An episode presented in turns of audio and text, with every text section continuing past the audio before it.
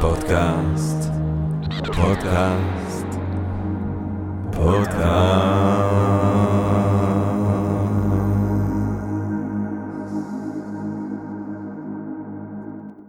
טוב, אה, גבירותיי ורבותיי, ברוכות וברוכים הבאים לפודקאסט של Think and Ring Different, פודקאסט למי שאוהב לחשוב ולשתות. אני ג'רמי פוגל, ואנחנו רוצים קודם כל להודות לסמסונג נקסט תל אביב, קרן השקעות בתוכנה בשלבים מוקדמים, שמאפשרת לנו להקליט את הפודקאסט מהמשחק שלה בשרונה כחלק מתוכנית התמיכה בקהילת החדשנות והיזמות הישראלית. אה, ובכן, גבירותיי ורבותיי, אנחנו היום רוצים לדבר בעצם על קיבוץ גלויות. איזה דבר יפה זה קיבוץ גלויות, איזה דבר יפה זה שקמה לה מדינה יהודית על חוף הים, אה, וכולם אה, מגיעים לכאן במטוסים היפים של אל על, ויורדים עם אה, דגלים ובאוניות, אה, ויורדים עם דגלים ושרים הללויה, ומקבלים אה, אה, אה, אה, פומלות. אה, עם הירידה מהמטוס וכולי. אבל לצערנו, כפי שאנחנו נוכחים לדעת יותר ויותר, מאחורי הדימוי היפה הזה אה, ישנם סיפורים אה, של סבל, של הדחקה תרבותית וכלכלית, של אפליה, לעתים אפילו גזענות, ובעצם מאחורי המושג של קיבוץ גלויות והתופעה ההיסטורית הבאמת מרהיבה הזאת והמאוד ייחודית, ישנם סיפורים שהם הרקע אה, למתחים, אה, למה שנקרא המתח הדתי ולמלחמות התרבות אה, שמלוות בעצם עד היום את החברה הישראלית, אם בפוליטיקה, אם ברובד הסוציו-אקונומי ואם בתרבות. ואחת מהפעולות התרבותיות המשמעותיות של, אינטלקטואלים ואנשי אומנות ואנשי רוח ואנשי תרבות בדור שלנו מעורבים בהם, זה לנסות בעצם ליצור איזשהו צדק. הוא בעצם לחשוף קודם כל את העוולות שהיו אה, ולאזן מחדש את התרבות הישראלית, אה, אה, לאפשר לקולות שהיו מושלכים הצידה לתפוס את מקומם הראוי במרכז הבמה כחלק מהרבגוניות התרבותית העשירה של העם היהודי בכל גווניו וגלותיו.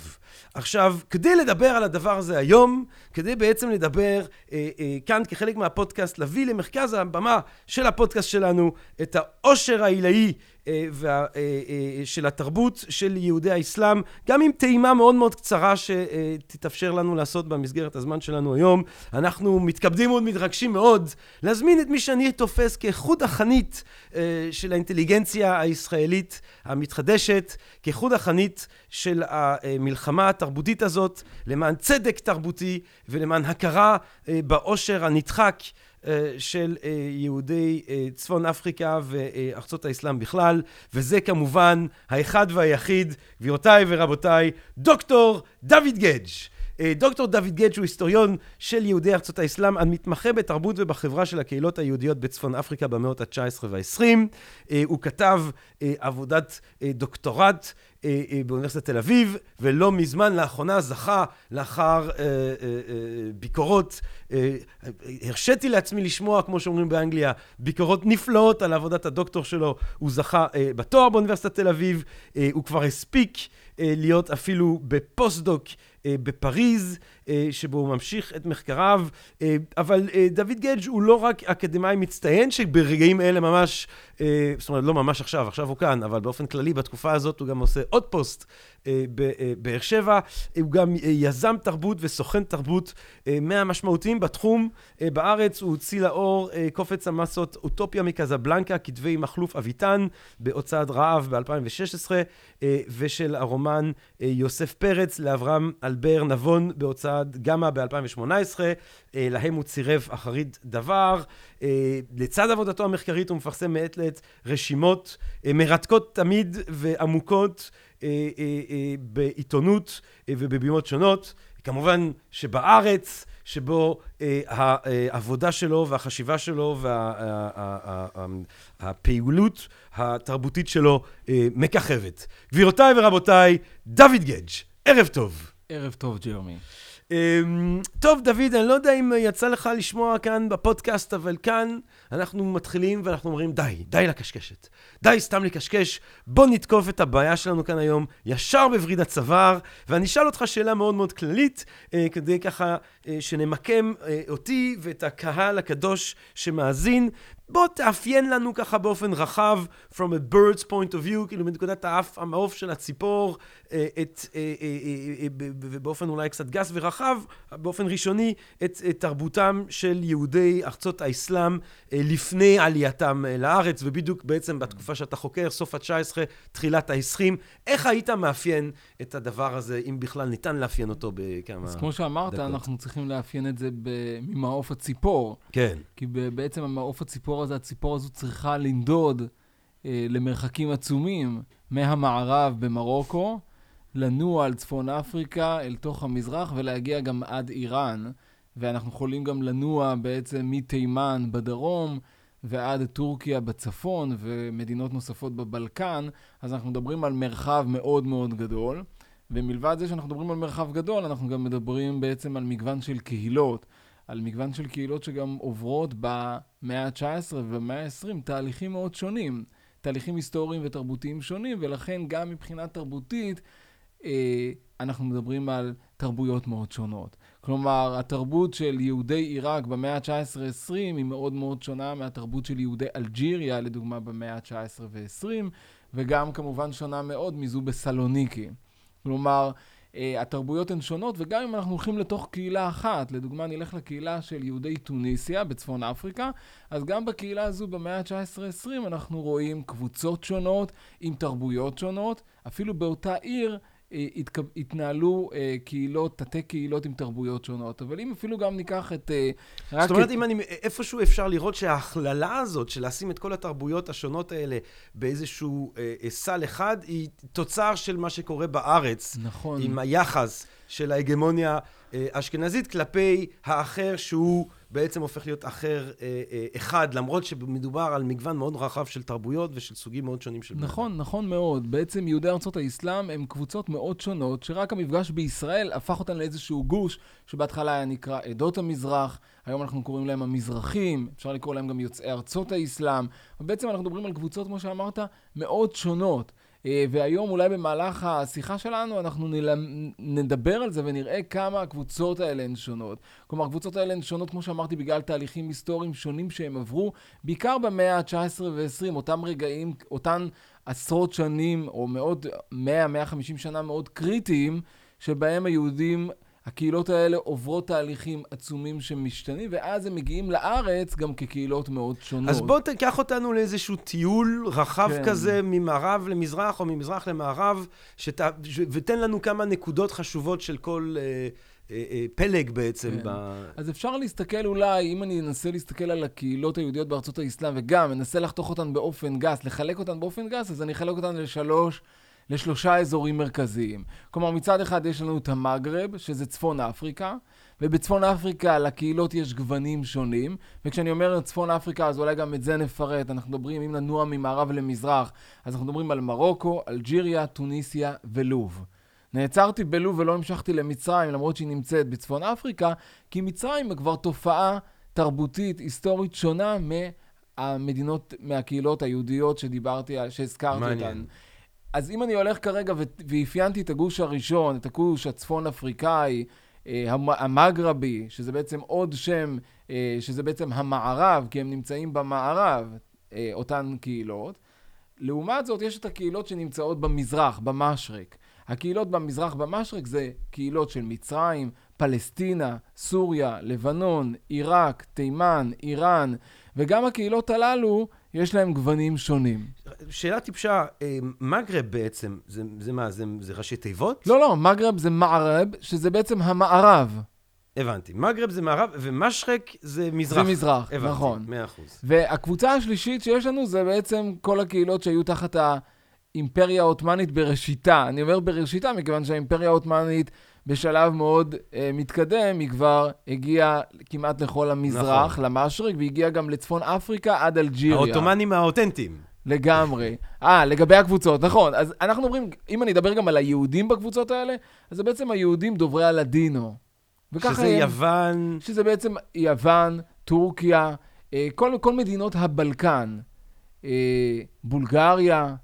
אה, כאשר, אני, אני אומר שכל, ה- גם כל האמירה הזו, איזה מדינות אלה, זה בעצם אמירה מאוד מודרנית, בעצם של מדינות הלאום.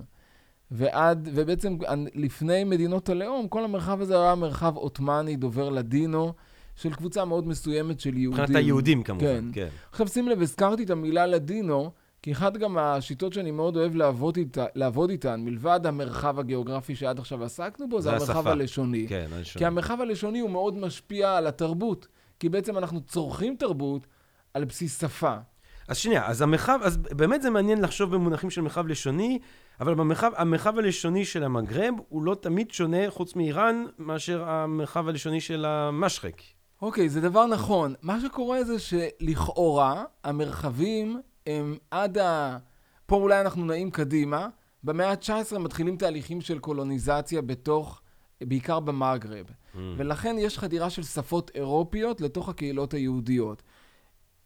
ב... בעצם במרוקו, אלג'יריה וטוניסיה זה צרפתית, בלוב זה איטלקית, במצרים זה צרפתית בשילוב עם אנגלית, אבל התופעה במשרק היא אחרת. שם בעצם פורחות השפות הלאומיות, כאשר אנחנו מדברים מצד אחד על הערבית הספרותית, ומצד שני על הטורקית. Mm. אבל אתה אמרת אה, שבעצם לא היה הבדל בין המגרב למשרק, וזה נכון עד החדירה של השפות הקולוניאליות או השפות הלאומיות, כי עד לאותה נקודת זמן, עד המאה ה-19, אז היהודים בכל המרחב הזה, מלבד המרחב של האימפריה העות'מאנית, מלבד המרחב של הלדינו, כולם השתמשו בערבית היהודית כשפה משותפת. אבל שנייה, גם בלבנון מדברים צרפתית, לא? נכון, אתה צודק, כי גם, כי גם לבנון היא הייתה תחת שלטון אה, קולוניאלי צרפתי. כן. אז יש לנו באמת את המובלעת הזו, אבל המובלעת הזו, גם הדבר הזה הוא דבר מעניין, כי השלטון הקולוניאלי במשרק, הוא התפרק כבר בראשית המאה ה-20, לעומת המגרב, שהוא מתפרק רק בשנות ה-50 וה-60, ולכן היהודים שם מושפעים יותר. אז אה, בוא נלך ממש ל... ל, ל, ל בוא, בוא, בוא אולי נתמקד במגרב ונשאל, בוא נאפיין אז, כדי לא להיות לחלוטין באופן מופשט וגס יתר על המידה, בוא תאפיין לנו אה, את החיים התרבותיים של קהילות יהודיות במגרב אה, במאה ה-19. אה, אה, אוקיי, אז לגבי המגרב, אז אם אנחנו נעים במגרב, אנחנו נעים שוב ממרוקו ועד לוב. אני בכוונה, שוב, אה, מוציא החוצה את מצרים, בגלל שמצרים יש לה השפעות אחרות, אז אנחנו מדברים על מרוקו, אלג'יריה, טוניסיה ולוב. אז הקהילות הללו, הן נכנסות תחת שלטון, אם אנחנו מדברים על שלטון קולוניאלי, אז הן נכנסות לשלטון קולוניאלי בסדר של, הראשונה הייתה אלג'יריה ב-1830, טוניסיה ב-1881, לוב ב-1911 ומרוקו ב-1912. אנחנו יכולים לראות שגם מבחינה הכניסה הקולוניאלית היא מאוד מאוד שונה, ולכן החדירה של התרבות הצרפתית אל הקהילות האלה היא, היא, היא בעצם, היא מגיעה בזמנים שונים, במינונים שונים ולקבוצות שונות. אבל רגע בוא ננוע אחורה לפני השלטון הקולוניאלי בכל הקהילות הללו. אז בדומה לקהילות יהודיות בכל העולם, אפשר לדבר על שתי קבוצות תרבותיות מרכזיות, שמצד אחד אנחנו מדברים על קבוצה אליטיסטית, תרבות אליטיסטית, ומצד שני על תרבות עממית. כמו בכל מרבית הקהילות היהודיות לפני העידן המודרני, אז אנחנו מדברים על 95% שצורכים תרבות עממית, ורק 5% שצורכים תרבות אליטיסטית. כשאנחנו מדברים על תרבות אליטיסטית בתקופה, עד, עד התקופה המודרנית, אנחנו מדברים על אליטה רבנית. אליטה רבנית שכותבת בעברית, מייצרת ספרות ריבו, רבנית על כל גווניה, אם זה... אם זה ספרות ההלכה, פסק, פרשנות מקרא, דרשות, ספרות מוסר, פרשנות לתלמוד, ספרות פילוסופית וספרות קבלה. זאת אומרת, אתה, כשאתה מדבר על, אז בעצם על תחילת המאה ה-19, אתה מתייחס לזה כתקופה ש, שהיא קדם מודרנית. זה, זהו, זה נכון לומר את זה, וזה שוב, זה משתנה מאוד מהקהילות לקהילות, וזה כמובן לך זה, זה דבר שהוא מאוד משמעותי, כי התקופה המודרנית באירופה היא מוקדמת יותר. אבל רגע, אני רק אולי כן. אסיים על, ש, על שתי התרבויות, ואז אנחנו נדבר באמת על, ה, על הנושא מאה של אחוז. המודרנה, ומתי המודרנה מגיעה לארצות האסלאם. אבל אם דיברנו לרגע על, ה, על בעצם על התרבות האליטיסטית, לצד התרבות האליטיסטית התקיימה תרבות של 95% של יהודים, שבתוכם זה גברים ונשים, שמרביתם לא ידעו קרוא וכתוב. הם לא לקחו חלק בתרבות האליטיסטית. הם לא היו, הם לא למדו במוסדות כאילו כמו בחיידר וזה, הם לא למדו... הם למדו, אז הם כמובן. ידעו, הם ידעו קרוא אז וכתוב. זהו, אז מה שקורה זה שקודם כל אנחנו מדברים רק על מחצית מהקהילה, כי נשים לא נכון. למדו. נכון. נשים לא למדו לאורך כל ההיסטוריה היהודית, הם לא למדו בחדר, ולכן הם לא ידעו לקרוא ולכתוב. כן. אפשר כמובן לדבר עוד רגע על התרבות של הנשים, כי הייתה להם תרבות. אה, אבל לגבי הגברים, אז כמו שאמרת, כל הגברים הלכו לחדר ולמדו בחדר, הם למדו בסלה, שזה בעצם שם של החדר בצפון אפריקה, והסלה זה מגיע גם מהשם של בית הכנסת בצפון אפריקה, הוא היה נקרא סלה, וכך גם החדר שהיה נמצא בתוך בתי הכנסת. אה, והילדים כולם הלכו, למדו עברית, אבל הלימוד, הרבה פעמים הוא היה בעצם לימוד טכני, על מנת לדעת לקחת חלק ב, כי בתרבות, ה, בתרבות התפילה, בתרבות, בתרבות, סביב מעגל השנה היהודי, ומה שהם עשו זה בעצם הם למדו את הטקסטים של פרשת השבוע, של ההפטרה, את הטקסטים של התפילות. מרבית, מרבית הפעמים הם למדו את הטקסטים הללו באופן מכני אוטומטי. גם בואו לא נשכח שהרבה פעמים הם זאת למדו אומרת, הם אותם... למדו אותו בעל פה מבלי לדעת לקרוא אותו? הם, יד... הם קראו, אבל לא תמיד הם הבינו את מה שהם קראו. הבנתי. כלומר, הם ידעו לקרוא, כן. ולכן בואו גם לא נשכח שמאז גלות בבל, לצד העברית תמיד הייתה בעצם את התרגום. זה התחיל מארמית, ולאחר מכן זה עבר לשפות הנוספות. יהודים תמיד למדו את, ה... את האוצרות ה... אה, ה- את אוצרות הספר היהודי, ששוב, אנחנו בעיקר מדברים על, על תנ"ך ועל תפילה, הם למדו אותם לצד כן. תרגום. טוב, זה מזכיר לי את הבר מצווה שלי, שקראתי הפטרה שלמה מבלי להבין מילה. כאילו, בדיוק, חוץ מזה שיש כבש באיזשהו שלב, אני זוכר, אבל כן. אז הנה, זו דוגמה יפה לזה. כן. אז היהודים למדו את התפילות לצד, או את פרשת השבוע, לצד התרגום בערבית יהודית. והרבה פעמים גם התרגום בערבית יהודית היה ארכאי, ולכן גם את התרגום בערבית יהודית הם לא הבינו.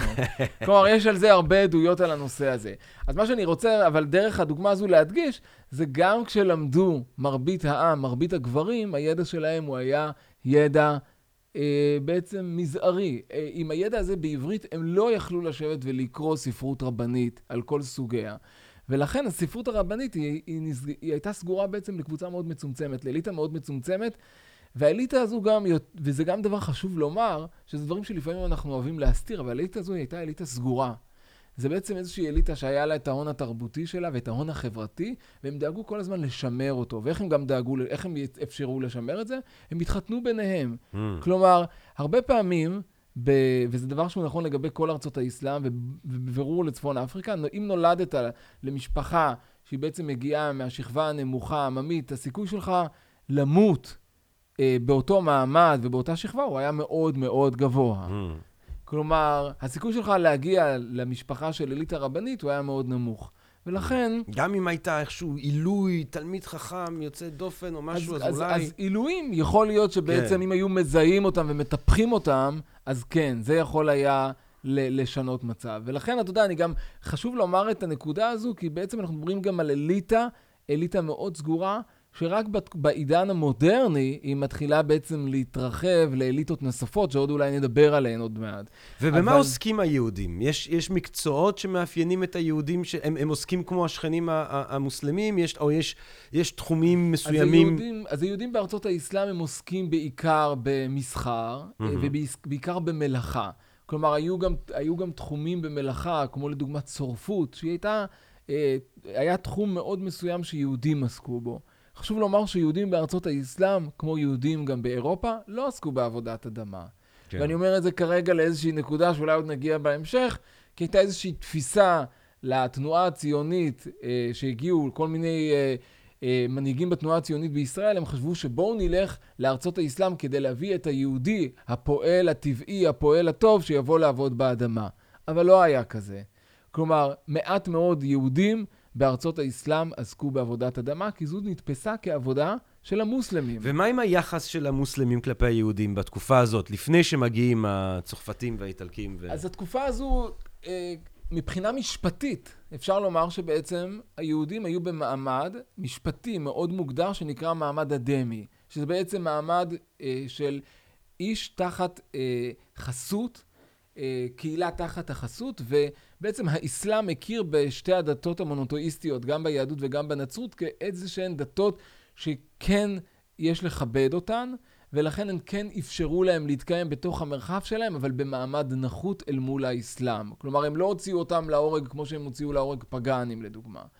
אז כן היהודים חיו שם, אבל החיים שם הם היו תחת תנאים נחותים. כלומר, הם חיו בתוך, אם נשתמש במושג אירופי, אז הם חיו בגטאות.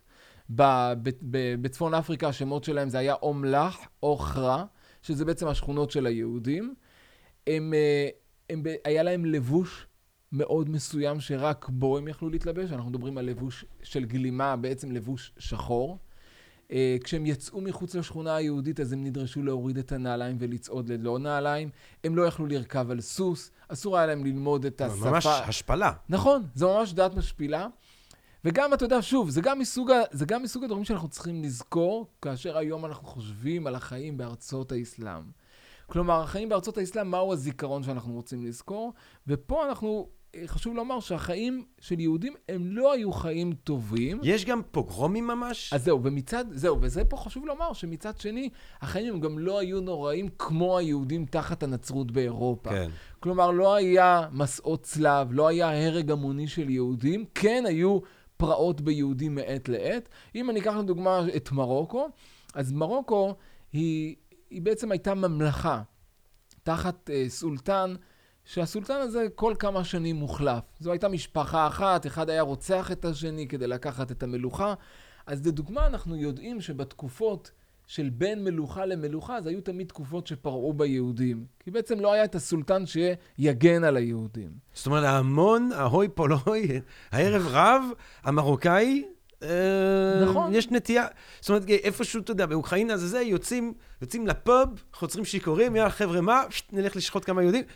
הדבר הזה גם קיים הדבר, במרוקו הדבר באיזה הזה, נכון, הדבר הזה הוא קרה ליהודים בארצות האסלאם. בלי אלכוהול כלומר, כמובן, אני מניח. נכון, כן. בלי אלכוהול. אפשר עשו לעשות זה. גרום סאחי. זה זה נכון. מה שמרוקו מוכיחה. זה נכון, אבל, אבל שוב. אבל חשוב לומר שאנחנו יכולים כן להסתכל על, וזה שוב, זה מת, מתחבר לשאלה הראשונה, כאשר אנחנו מסתכלים על יהודים בארצות האסלאם, או על צפון אפריקה, או אפילו על מרוקו, אז צריך להסתכל על תקופות מסוימות ועל מרחבים מסוימים, ואז לבחון מה היה היחס של המוסלמים אבל למה. המלך, ולמה המלך מגן עליהם, או הסולטן? למה הסולטן מגן עליהם? זאת אומרת, אנחנו יודעים שהצארים לפעמים הם ניצלו, אז היה, היה, היית יכול לקבל איזשהו רווח פוליטי בזה של, של להצביע על היהודים כאשמים במשהו ולהוציא עליהם את הקיטור. למה הסולטן כל כך רוצה אז- להגן אז על היהודים פה האלה? יהו- יהודי, אבל זה גם, זה משתנה מתקופה לתקופה, אבל בגדול, יש סיבה אחת שזו הסיבה, גם הסיבה הדתית. אנחנו מדברים גם על בעצם מנהיגים בעולם אסלאמי שהם מנהיגים דתיים, ולכן הם מגנים על היהודים מתוך המקום של האמונה בדת האסלאם ובאמונה שהיהודים כן צריך להגן עליהם, עוד פעם, תחת אבל... אה, הגבלות מאוד תחת מסוימות, הגבלות מאוד כן. מסוימות, אבל מצד שני גם הייתה איזושהי תועלת מהיהודים. כלומר, מ- מ- מהרגע של, מהנקודת הזמן של גירוש ספרד, בעצם מגיעים חלק מהמגורשים לצפון אפריקה ובעיקר גם לאימפריה העות'מאנית. היהודים האלה הם מגיעים עם כלים תרבותיים, כלים חברתיים, רשתות גם, אולי נוסיף כבר איזושהי רשתות מילה. של מסחר, כן. רשתות של מסחר, כן. אותן רשתות מסחר שהן לא קיימות בארצות האסלאם או בצפון אפריקה באותה תקופה. והיהודים מביאים איזה שהן רשתות, כמו שאתה אומר, רשתות מסחר, הם מביאים הון חברתי והון תרבותי שלא היה קיים, ויש אינטרסים גם, לדוגמה, לסולטן, לסולטן, אם אני הולך לדוגמה של במרוקו, לסולטן במרוקו, לשמר את האנשים האלה, לקרב את האנשים האלה, כי הם בעצם יכולים לייצר לו איזשהו פתח לעולם החוצה, גם לאירופה. מעניין. אבל אז אה, האירופאים אה, רוצים אותם או לא רוצים אותם, הם מגיעים. כן, האירופים, כן, הם מגיעים, ציינו את השנים, אפשר לדבר על, המ- על המאה ה-19, ראשית המאה ה-20, על החדירה, אה, בעיקר כאשר אנחנו מדברים על המגרב של צרפת.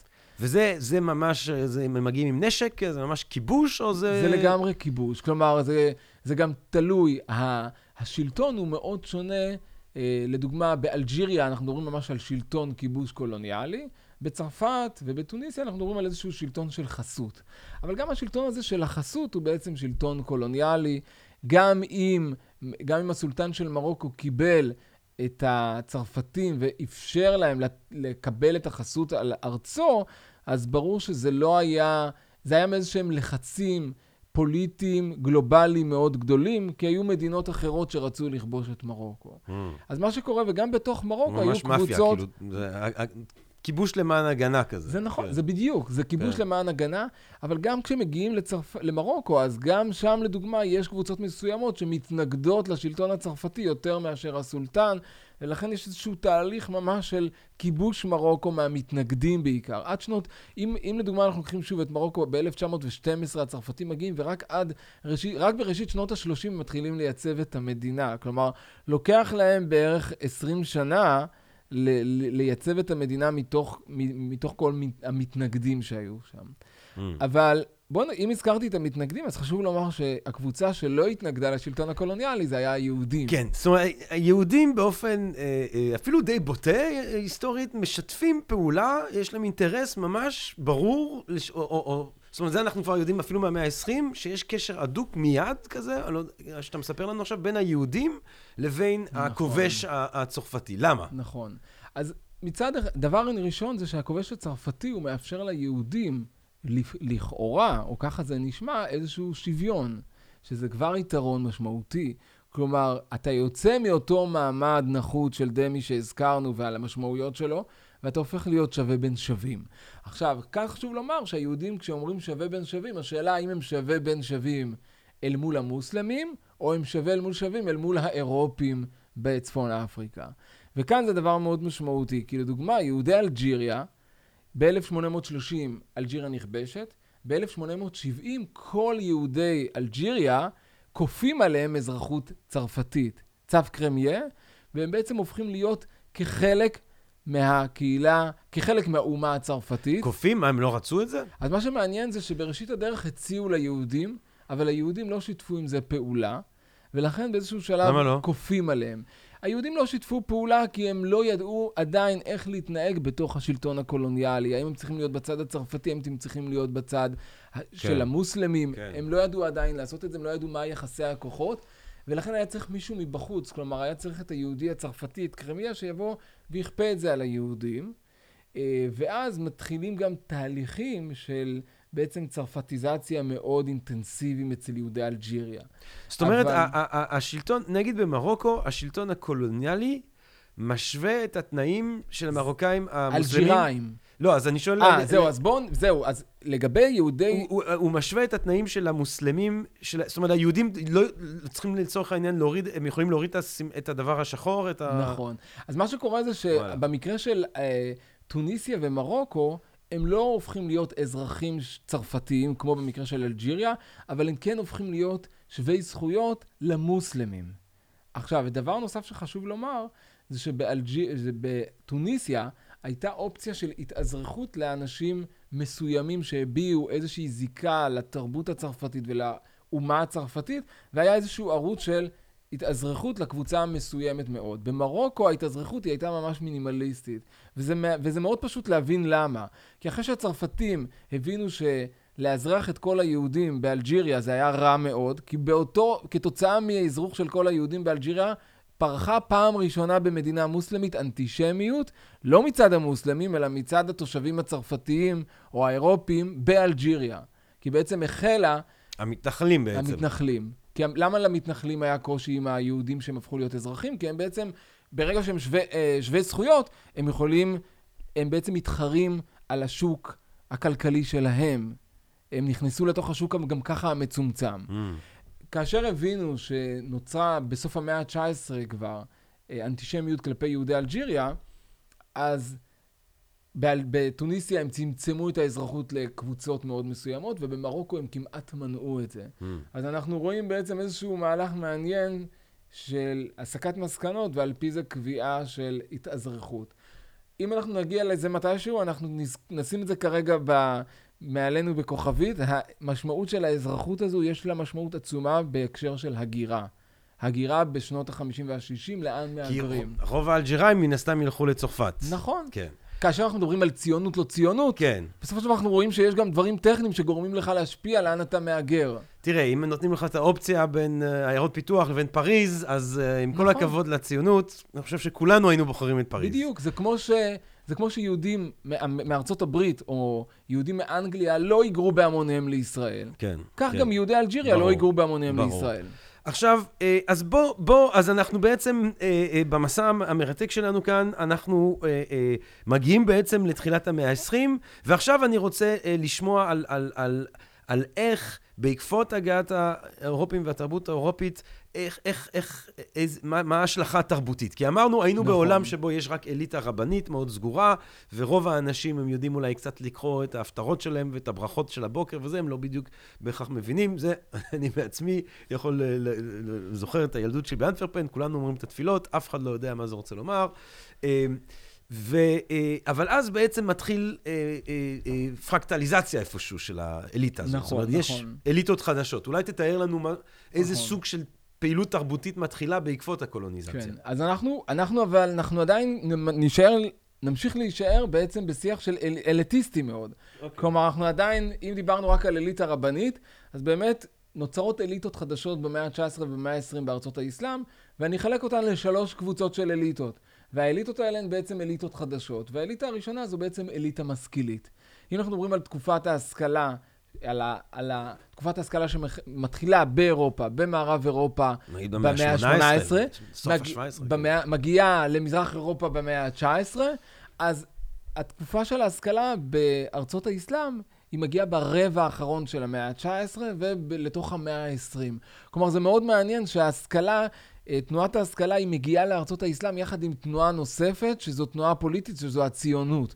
כלומר, יש לנו איזושהי חפיפה, יש תקופה מאוד קצרה לתקופת ההשכלה, לתנועת ההשכלה, שזה רבע האחרון של המאה ה-20. הרי, המאה, הרי התנועה... 19. המאה ה-19, סליחה. והרי הדבר המעניין זה שהתנועה הציונית כבר היא, היא בעצם מייסדים אותה במאה, בסוף המאה ה-19, ולכן יש את החפיפה הזו בהגעה. אבל מה שקורה זה שזה מעניין שאנחנו רואים שיש, נוצרת אליטה, אליטות נקרא להן, אליטות בכל ארצות האסלאם שהן אליטות משכילות. וההשכלה בארצות האסלאם היא מגיעה עם אותם, אה, הייתי אומר, כלים ש, ש, שמקדמים אותה אה, באירופה, העיתונים והבתי קפה והדפוס, וזה, זה, אותו, זה בעצם אותו סוג של סיפור? אז זהו, אז זה דבר מאוד מעניין, כי ההשכלה, ההשכלה הרי היא נוצרה... חינוך כמובן. כן, ההשכלה היא נוצרה כדבר טבעי באירופה, וכל, ה, וכל הכלים שהזכרת הם כלים שנוצרו באירופה, והיהודים החלו להשתמש בהם בעקבות הפעילות של הרוב, הרוב הנוצרי, שעבר תהליכים גם של השכלה. עכשיו, מה שקורה זה שבארצות האסלאם, וזה שוב, זו סוגיה שלמה שצריך לדבר עליה, אין דפוס מקומי. במרבית הקהילות בארצות האסלאם, הדפוס נכנס רק במאה, אה, בסוף המאה ה-19, ראשית המאה ה-20. ולכן כשאני מדבר על תנועה של השכלה, ודווקא זו תנועה מאוד מעניינת כי היא תנועה גלובלית, היהודים בארצות האסלאם הם צורכים את העיתונות המשכילית מאירופה, לדוגמה עיתון המגיד, עיתון הלבנון, הם קוראים אותם בארצות האסלאם, ולאחר מכן הם לוקחים חלק בשיח האירופי בעיתון האירופי. כלומר, זאת אומרת, פיזית אין, אין, אין דפוס, אין מי שמדפיס עיתונים וספרים מקומית במרוקו, באלג'יריה ובתוניס. נכון, אנחנו צריכים אבל עוד רגע נדבר אולי על הדפוס, ואז נגדיר גם את השנים, כדי לא כן. להשאיר את, ה... כן. את המאזינים בעצם לתקופה. כן. אבל, אבל בואו נדבר רגע, על... אם אני מדבר על האליטה המשכילית, אז האליטה המשכילית היא בעיקר, היא בעצם קוראת עיתונים שמגיעים מאירופה, ספרות שמגיעה, ספרות עברית שמגיעה מאירופה. אבל אפשר גם להסתכל, הדבר המעניין הוא זה שהיום אני מסתכל על העיתונים האלה בדימוי של היום, של, על מנת לה- להנגיש את זה, כאיזושהי רשת, כמו האינטרנט. בעצם יש לך איזושהי גישה היום אה, ל, לקבוצות שונות בעולם, וכך אותם יהודים קוראים עיתונים, והם לומדים על תופעות, על תהליכים שעוברים על החברה היהודית באירופה. והיהודים האלה הם בעצם לוקחים את הרעיונות האלה של ההשכלה, ומנסים בעצם לייצר להן איזושהי בעצם התאמה, איזושהי אה, תוצאה, איזושהי יצירה חדשה בתוך הקהילות שלהם. והדבר המעניין זה שהם בעצם גם כותבים בעיתונות האירופית, כותבים בעצם אבל, מאמרים. אבל הם גם משנים את מה שהילדים שלהם לומדים. אני, תזכיר לי את השם של החדר ב... סלה. אסלה. כי ה- ה- אחד מהדברים הבולטים, המובהקים, הראשונים של ההשכלה האירופית, זה את פרוגרמה חינוכית. נכון, נכון, אנשים נכון. כמו מנדלסון, מה שהם אומרים, זה צריך לחנך את היהודי החדש אחרת, הוא צריך, ברור שצריך להמשיך ללמוד תלמוד וכולי, אבל הוא גם צריך ללמוד את תחומי הדעת העולמיים, האוניברסליים, המדע החדש. האם יש פרוגרמה כזאת גם... אז, אז בואו בוא באמת נוסיף, אה, בוא נוסיף שם, לדוג, שם לדוגמה למאזינים, מלבד מנדלסון, אז אפשר לדבר על שלום פלח. שלום פלח הוא היה משכיל מ- ושלום פלח, אחד הדברים הנרתקים זה שהוא ממש כתב פרוגרמה חינוכית. באיזה שנים? פרוגרמה חינוכית, אנחנו מדברים על סוף המאה ה-19, הוא כותב פרוגרמה חינוכית, הוא גם מפרסם את זה בספרים בעברית בתוניסיה, ופה אני, מד... ופה אני אומר ספרים בעברית בתוניסיה, ואני מדגיש את זה כי אנחנו רואים שבעצם הדפוס הוא כבר קיים בסוף המאה ה-19 בתוניסיה. אבל לדוגמה הוא לא קיים בסוף המאה, ב... ברבע האחרון של המאה ה-19 במרוקו, אז מה, שעושה, מה שיכול לעשות משכיל בתוניסיה ברבע האחרון של המאה ה-19, שזה שלום פלח, שהוא כותב ספרים, איך ראוי ללמד את השפה העברית, את הספרות העברית. אנחנו כרגע מעניין. מדברים בעיקר על ספרות עברית, ולמה הוא תרבות רוצה עברית. שהילדים ידברו, אה, ילמדו עברית ולא צרפתית? כי הוא, הוא בעצם מושפע מאוד מהתנועה גם הציונית. בגלל זה גם אמרתי שתנועת ההשכלה מגיעה יחד עם התנועה הציונית, בעצם יחד עם אותן מחשבות ראשונות על לאומיות יהודית. ושלום פלח הוא באמת גם דוגמה יחסית מאוד יוצאת דופן, כי הוא גם מתנגד ל- בעצם ללימוד הצרפתי או לבלעדיות של הלימוד הצרפתי, אלא הוא בעצם רואה חשיבות בלימוד של, שפ, של השפה העברית. כי בעצם כי אני, הוא- חושב, אני חושב ש... כן, סליחה. כי אני חושב שדבר שהוא, שהוא הוא, תמיד אני אומר שמה שנורא משמעותי עם מנדלסון, זה שהוא מהווה בעצם אה, דוגמה למנהיגות לא רבנית. זאת אומרת, הוא, לא- הוא, הוא, הוא, הוא, הוא, יש לו חינוך יהודי מסורתי וכולי, אבל מה שמהפכני, מנדלסון במאה ה-18 בברלין, זה שיש פה דמות שהוא מנהיג כביר, חשוב, משמעותי, אבל לא רבני. כן. ועל כן, למרות שהוא איש מסורתי, הוא הרבה יותר משמעותי בהיסטוריה של החילון אה, אה, אה, היהודי מאשר דמויות הרבה יותר רדיקליות. אז, אז, אז, אז, אז בעצם אנשים כמוהו, כמו שהשלום פלח. פלח הזה, אתה הוא לא, הוא לא רב. הוא לא רב, נכון? הוא, אבל... הוא איש משכיל פשוט. הוא איש משכיל, ואיש אבל... חינוך, והוא כן. איש חינוך, אבל זה דווקא... בואו בוא באמת נשווה את זה למנדלסון, ואנחנו נראה שבעצם הוא לא אדם חילוני כמו מנדלסון. לא, ו-. מנדלסון גם היה מאמין ומסורתי. אה, אוקיי, אז כן, מה... ש- כן. לא, אבל אתה דיברת בעצם גם על המגמות של החילון. ההשפעה, של שלו החילון. היא, היא מכלנת. כן, אז בגלל זהו. שיש פתאום מנהיג שהוא לא רב, אבל נכון. מנדלסון עצמו שומר מצוות והכל. אז זהו, אז חשוב לומר ש... אבל גם מבחינה זו שגם כל המשכילים ב... בארצות האסלאם הם היו תלמידי חכמים. אני מדבר שוב, אני מדבר. כרגע על האליטה המשכילית העברית. יש השכלה ללא חילון. אין, נכון, ההשכלה היא ללא חילון, וזו באמת תופעה שחשוב להדגיש אותה אל מול אירופה, זה שגם ההשכלה כשהיא מגיעה לארצות האסלאם, היא בעצם ממשיכה להתקיים באיזושהי הרמוניה. עם העולם היהודי הדתי, ואני יכול לתת לזה איזשהו הסבר היסטורי סוציולוגי. כלומר, במובן הזה הרי היהודים באירופה עוברים תהליכי חילון במקביל לתהליכי חילון של קבוצת הרוב. בוא לא נשכח שקבוצת הרוב בארצות האסלאם לא עוברים תהליכים של חילון. הקבוצת הרוב, בעצם המוסלמית, לא עוברת תהליכי חילון, ולכן כל הנושא הזה של ההשכלה, היא מגיעה לארצות האסלאם כאיזושהי תופעה חיצונית. אפשר לקרוא לזה גידול חיצוני, במובן החיובי, גידול חיצוני שמגיע מאירופה לתוך ארצות האסלאם, ומי שמושפע מה, מאירופה זה אוכלוסיית, זה בעצם אוכלוסיית המיעוט ולא אוכלוסיית הרוב. כלומר, אוכלוסיית המיעוט עוברת תהליכים של השכלה, של מודרניזציה, שקודמת לאוכלוסיית הרוב, ולכן יש לנו פה איזשהו מפגש שגם אם הוא מגיע עם איזה שהם גוונים חילוניים, הוא פוגש, הוא נכנס לתוך איזשהו מרחב מאוד דתי. טוב, אז עכשיו שאלה קצת שובה, ש... שאלה, שאלה קצת מורכבת. הרי אנחנו יודעים שאחד מהמאפיינים של אה, הפסולים של האוריינטליזם זה תפיסה של המזרח כפסיבי אל מול האקטיביות המערבית. אבל אם אתה מתאר את ההשכלה כאל גידול חיצוני, אתה אומר בעצם ההשכלה זה משהו שמונחת באיזושהי צורה. אם את, בעקבות הצבא, אפילו כמעט פיזית, בעקבות הצבא הצרפתי מגיע מכונות דפוס ומגיע השכלה זה, האם אתה לא מחזק בדרך הזאת כן. לתאר את התרבות של יהודי אז- המגרב, את, ה, את המגמה האוריינטליסטית הפסולה הזאת? לא, לא, כמובן שלא. כי מה שקורה זה הרי בשונה משלטון קולוניאלי שבאמת מגיע באופן אקטיבי ואלים, כאשר אני עוסק בהיסטוריה תרבותית או אינטלקטואלית, אז אנחנו יודעים שתרבות לא יכולה להתקיים ללא סוכני תרבות. כלומר, היו, היה צריך מישהו מבפנים יקיים פעילות תרבותית, שייזום פעילות תרבותית על מנת שהפעילות הזו תתרחש. כלומר, גם אם מגיע איזשהו סוכן תרבות אחד מאירופה, היכולת שלו להשפיע ולייצר תרבות מקומית היא אפס. כלומר, אלא אם כן אנחנו הולכים לדגם של ישו, שיש לו את השליחים, והשליחים יש להם את האנשים שלהם, אבל זה לא קרה פה. כלומר, אנחנו כן מדברים על איזושהי פעילות מקומית, של סוכני תרבות מקומית, של יוזמה מקומית, וגם הפעילות שהם מקיימים, הפעילות התרבותית והתוצר התרבותי, ומה שנוצר, ההשכלה, שכרגע, שוב, עד, עד, עד עכשיו התרכזנו בהשכלה העברית, היא מייצרת לה גם איזשהו גוון משלה. פה אם אנחנו ניקח את הדגם של אה, שמואל אייזנשטט, שהוא מדבר על ריבוי המודרניות, הוא מדבר בעצם על איזשהו דגם סוציולוגי שאי אפשר לדבר על מודרנה אחת, אי אפשר לדבר על השכלה אחת. כאשר ההשכלה מגיעה לצפון אפריקה, או למזרע, למשרק, או לאימפריה העות'מאנית, היא כבר מקבלת גוונים משלה, היא כבר מקבלת איזשהו ריבוי חדש, איזשהו גוון אחר שהוא ייחודי למקום, שהוא מושפע מההיסטוריה המקומית ומהתרבות המקומית. אז בוא, כי אנחנו, אני, אני רוצה שנספיק אה, גם להגיע עם ההרפתקה הזאת, אני רוצה אתה יודע, להעלות את כל התרבות הזה, אה, את כל, כן. התרבויות, את כל התרבויות האלה לספינות אה, לארץ הקודש, אבל, אבל בוא תן לנו כמה אז... דוגמאות אולי של, של מה ההשכלה הזאת ב, ב, ב, במגרב, מה, איזה פירות תרבותיים היא מניבה לעולם.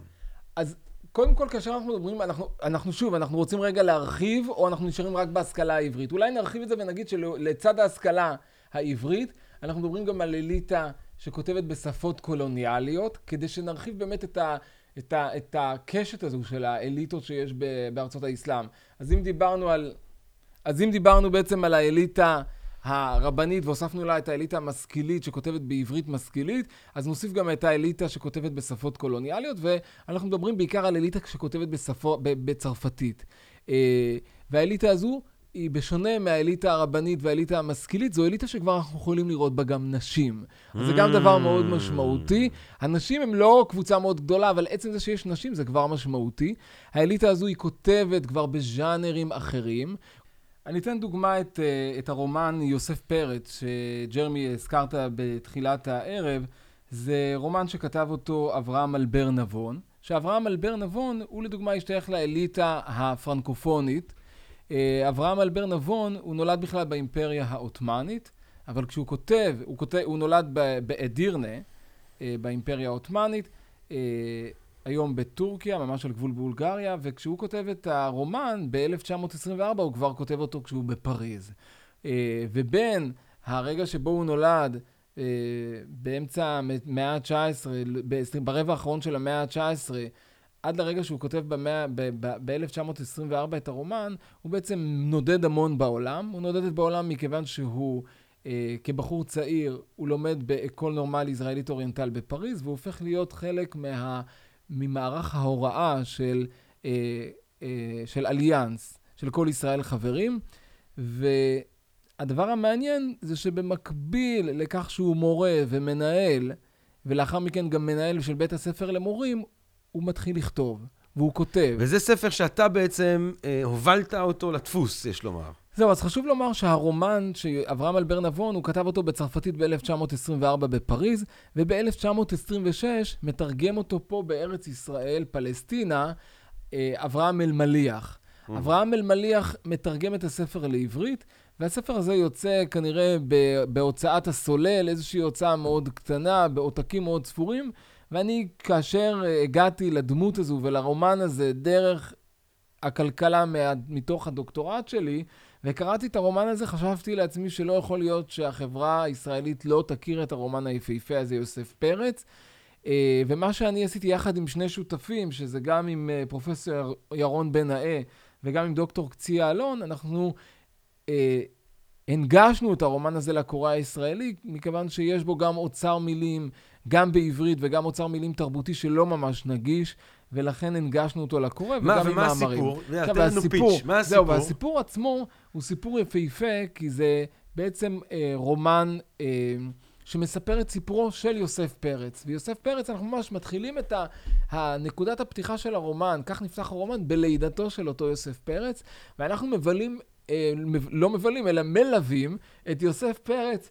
מרגע הולדתו, דרך בעצם תהליכי החניכה שלו, והדבר המעניין זה שזה סיפור, רומן שמספר סיפור של ילד אחד, אבל הוא בעצם מספר לנו את סיפור ההשכלה בארצות האסלאם במאות ה-19 וה-20. כלומר, אנחנו יוצאים למסע של ילד שלומד בחדר, לאחר מכן הוא לומד בבית ספר מודרני עברי, לאחר מכן הוא לומד בבית ספר צרפתי, הוא הופך להיות איזשהו יועץ ומלמד, שמלמד בבתים פרטיים של בתי עשירים, לאחר מכן הוא נודד לפריז, ומפריז הוא מוצא לעצמו איזושהי עבודה מאוד טובה באיזושהי חברת מסחר, ואנחנו פוגשים אותו באלג'יריה.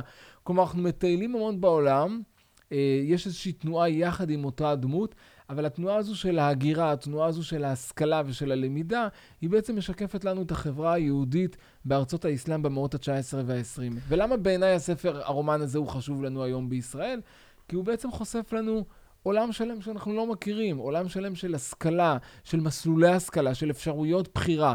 הרי אם לפני זה הזכרנו את האליטות, את האליטה הרבנית, את האליטה המשכילית האל... ואת האליטה הפרנקופונית, אז כל האליטות האלה הן מקבלות ביטוי בתוך הרומן הזה. יפה. ולכן אני רואה ברומן הזה חשיבות, מלבד גם החשיבות שלה כיצירה אומנותית, כלומר כיצירה ספרותית, כרומן. דוד, אנחנו חייבים לעשות כאן איזשהו סוג של fast forward, אנחנו חייבים בעצם אה, להגיע אה, לארץ ישראל באיזושהי צורה. אולי תקח אותנו רגע לפני. בוא, אה, בוא, בוא, נלך, בוא, בוא נהיה במגרב רגע לפני העליות הגדולות של שנות החמישים. אה, אה, אה, יש לנו עדיין אליטה רבנית שממשיכה, יש לנו בנוסף לה אליטה משכילית שדיברנו עליה, שכותבת בעברית או כותבת בצרפתית.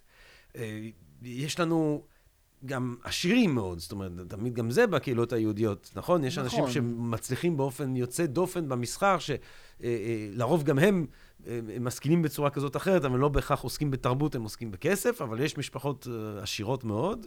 יש את, ה, את, ה, את רוב היהודים עדיין, שהם יהודים פשוטים, שחיים חיים עדיין הלכתיים במידה אה, אה, אה, כזאת, זאת אומרת, במובן הזה שאמרנו שיש השכלה בלי חילון, כן, הם חיים בסביבה בעצם, שתהליכי החילון הרבה פחות משמעותיים מאשר במערב אירופה נגיד. זה, זה התמונה התרבותית של יהודי המגרב, היית אומר, בגדול, לפני העלייה? תראה, התמונה היא תמונה, היא תמונה טובה, מה שהצגת, אבל אני אומר תמונה טובה, הסתייגתי קצת, כי בעצם ערבבת גם ואתה הבחנת בזה שערבבת בעצם בין, תר... בין, בין בעצם... בין בעצם מגזרים, אפשר לקרוא לזה מגזרים תרבותיים, לבין מעמדות כן. uh, כלכליים. כן. כי בעצם אפשר לראות בעצם, אה, באמת כמו שאתה אומר, uh, רגע לפני העלייה יש מעמד גבוה מאוד מאוד קטן, לעומת מעמד נמוך מאוד מאוד גדול, ויש לנו איזשהו מעמד ביניים שהוא נוצר רק במאה ה-20. הבנתי. זה מבחינה מעמדית. מבחינה תרבותית, זה כמו באמת כל הפריסה הזו שיצרנו פה, את כל האליטות. חשוב לומר גם שבעצם במאה ה-19, מאה ה-20, יש אה, קבוצות יותר גדולות של, אה, מעמד, של לא מעמד, אלא של קבוצה של משכילים בינוניים. כלומר, מה שקורה זה שמוקמים בכל ערי, אה, בכל הערים בצפון אפריקה בתי ספר של אליאנס. ובעצם ילדים כבר שנולדים בראשית המאה ה-20 במרוקו, הם כבר ילדים, לא כמו ילדים במאה ה-19 או במאה ה-18, אלא יש להם הזדמנויות השכלה חדשות, שההשכלה הזו היא גם פותחת להן שערים למקצועות חדשים, בעיקר למקצועות טכנולוגיים, או אנחנו עדיין לא מדברים על מקצועות טכנולוגיה מתקדמת, אבל לדוגמה על מקצועות של פקידות, אה, על מקצועות של הנדסאים. אז כל המקצועות האלה זה מקצועות שנפתחים כבר בארצות בצפון אפריקה. אז אנחנו רואים שיש גם איזשהו תחילתו של מעמד בינוני. עכשיו, בוא נדבר על, מה, ש, מה, על, על מה, מה בעצם מניע הגירה, אם לצרפת או אם לישראל.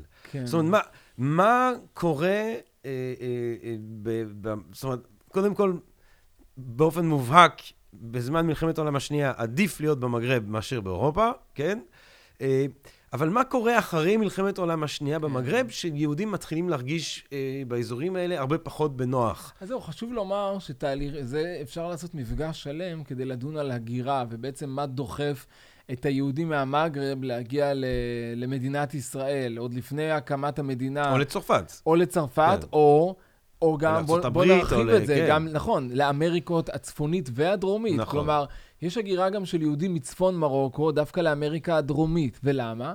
כי יש להם שפה משותפת, ספרדית. Mm, היהודים בצפון מרוקו הם דוברים ספרדית, כי שם השלטון היה ספרדי, כן, ולכן קל להם להגר לדרום אמריקה. מעניין. אה, ויהודים באמת פרנקופונים, שיש להם, בעצם השפה הצרפתית היא השפה, שפת התרבות שלהם, אז הם מהגרים גם לצרפת, אז- אבל גם אז לקנדה. למה- למה- למה הם עוזבים? עכשיו, אז חשוב לומר שזה בעצם, כאשר אנחנו מדברים על הגירה, אה, אחרי, אחרי מלחמת העולם השנייה, אנחנו מדברים כבר על השפעות מאוד גדולות, על דברים מאוד גדולים שמשפיעים על האנשים הקטנים שדוחפים אותם החוצה. כלומר, אני רוצה גם לומר שבעצם יהודים עוזבים את צפון אפריקה גם אם הם לא היו רוצים לעזוב. והסיבה הראשונה זה בעצם הקמת מדינת ישראל. בוא נגיד את זה חד וחלק.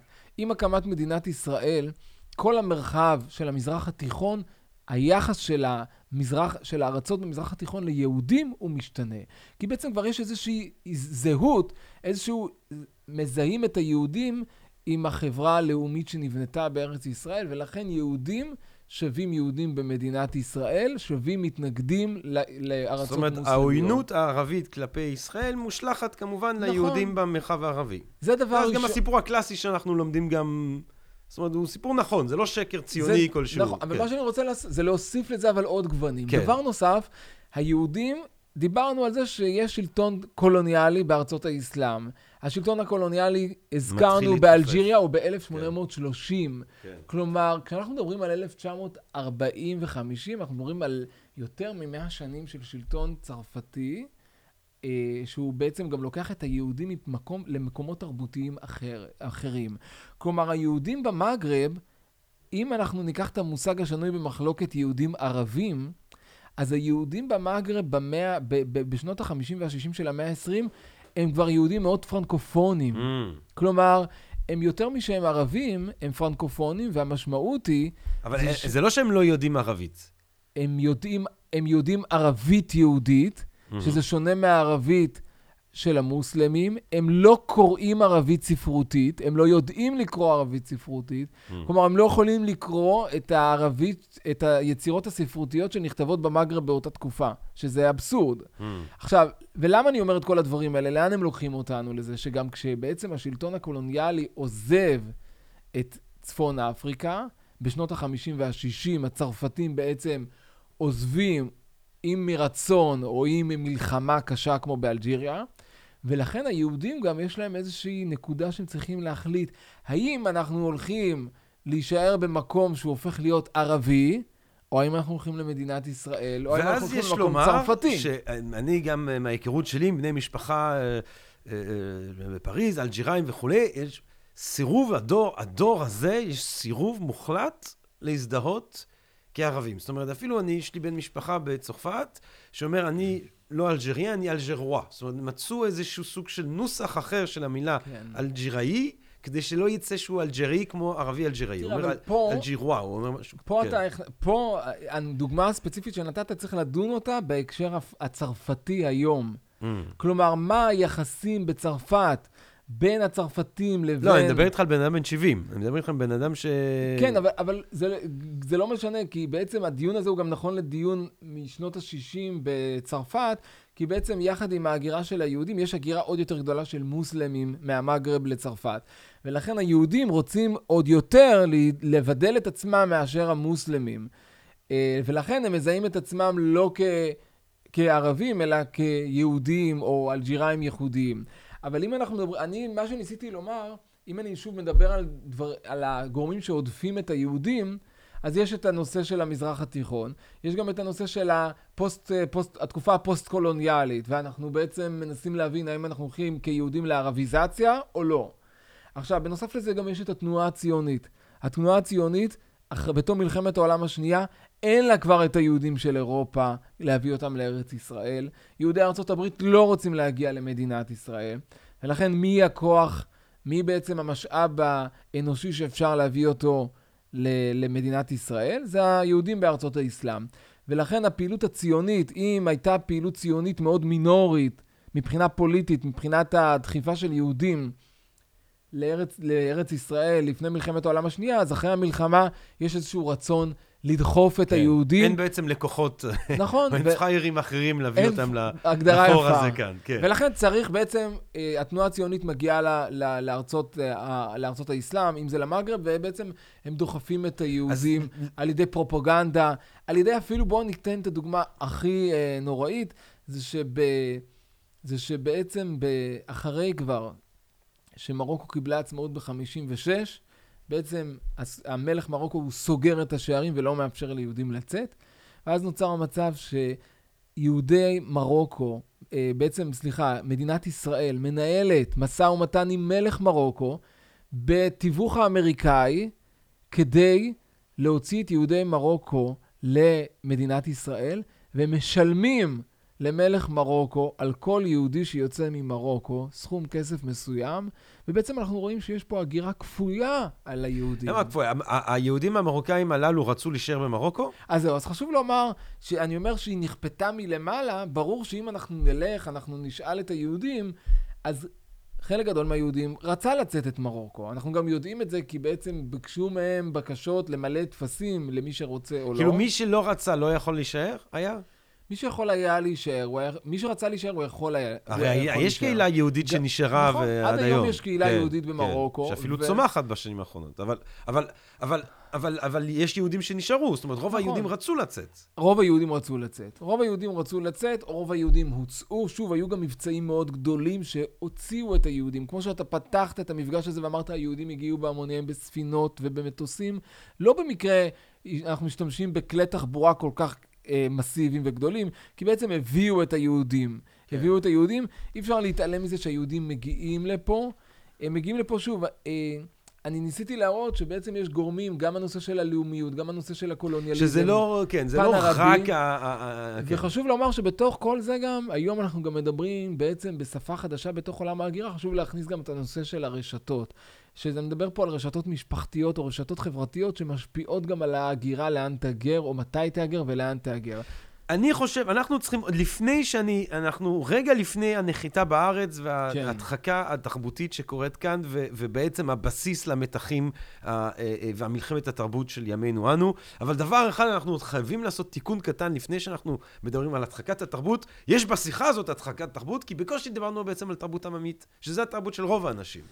נכון. אז בוא, איך אתה, זה אני- אתגר קצת לא פייר, ואני יודע שזה לא בסדר, אבל זה לא אה, דוקטורט כאן, זה פרק אה, של הפודקאסט שלנו. תן לנו כמה מילים על התרבות העממית יודע, המגרבית. אני אדבר על התרבות העממית, ואז אנחנו נחבר את זה ישירות לישראל, כי יאללה. אתה תראה גם משהו מאוד מעניין שקורה בתרבות העממית בישראל. אז כאשר אנחנו מדברים על תרבות עממית, כמו שהזכרנו בתחילת השיחה, זה שמרבית הקהילה, בעצם התרבות שלה הייתה תרבות עממית, ותרבות עממית, בואו נדבר גם על נשים סוף סוף. אז נשים, התרבות העממית, היא הייתה תרבות מאוד ייחודית לנשים. אנחנו מדברים על, בעיקר על תרבות שהיא נשמרה כתרבות בעל פה, ולא בתרבות בכתב. מוזיקה, נשים- שירה? אז בעיקר אנחנו מדברים באמת על שירה, לאו דווקא שירה שמלווה בכלי נגינה, אלא בעצם שירה של, שירה של, יש ז'אנר שלם של שירת נשים, שנשים בעצם לימדו אחת את השנייה. אם לימדה את בתה, וככה השירה הזו עברה מדור לדור. ובאיזה שפה הן שרות? אז כמובן הן שרות בערבית יהודית, כי זו השפה שהן מכירות. הן לא, הן לא שרות בעברית. הדבר המעניין זה שבתוך הערבית היהודית היו שזורות מילים בעברית, למרות שהנשים, מבחינתן זה היה שקוף, הם לא ידעו שהן שרות אה, ב, מ, מילים בעברית. אבל השירה הזו, אז מצד אחד אנחנו מדברים על שירה, ש, שירה ששרו אותה סביב מעגל השנה היהודי, לדוגמה בחגים מסוימים, או בראש השנה, או במעגל החיים היהודי, לדוגמה שירים ייחודיים למוות, או שירים ייחודיים לחתונה, או שירים יהודיים ייחודיים לחינה, אותו רגע שלפני שהבת עוזבת את הבית והולכת לבית אחר. אז יש את הנושא של השירה.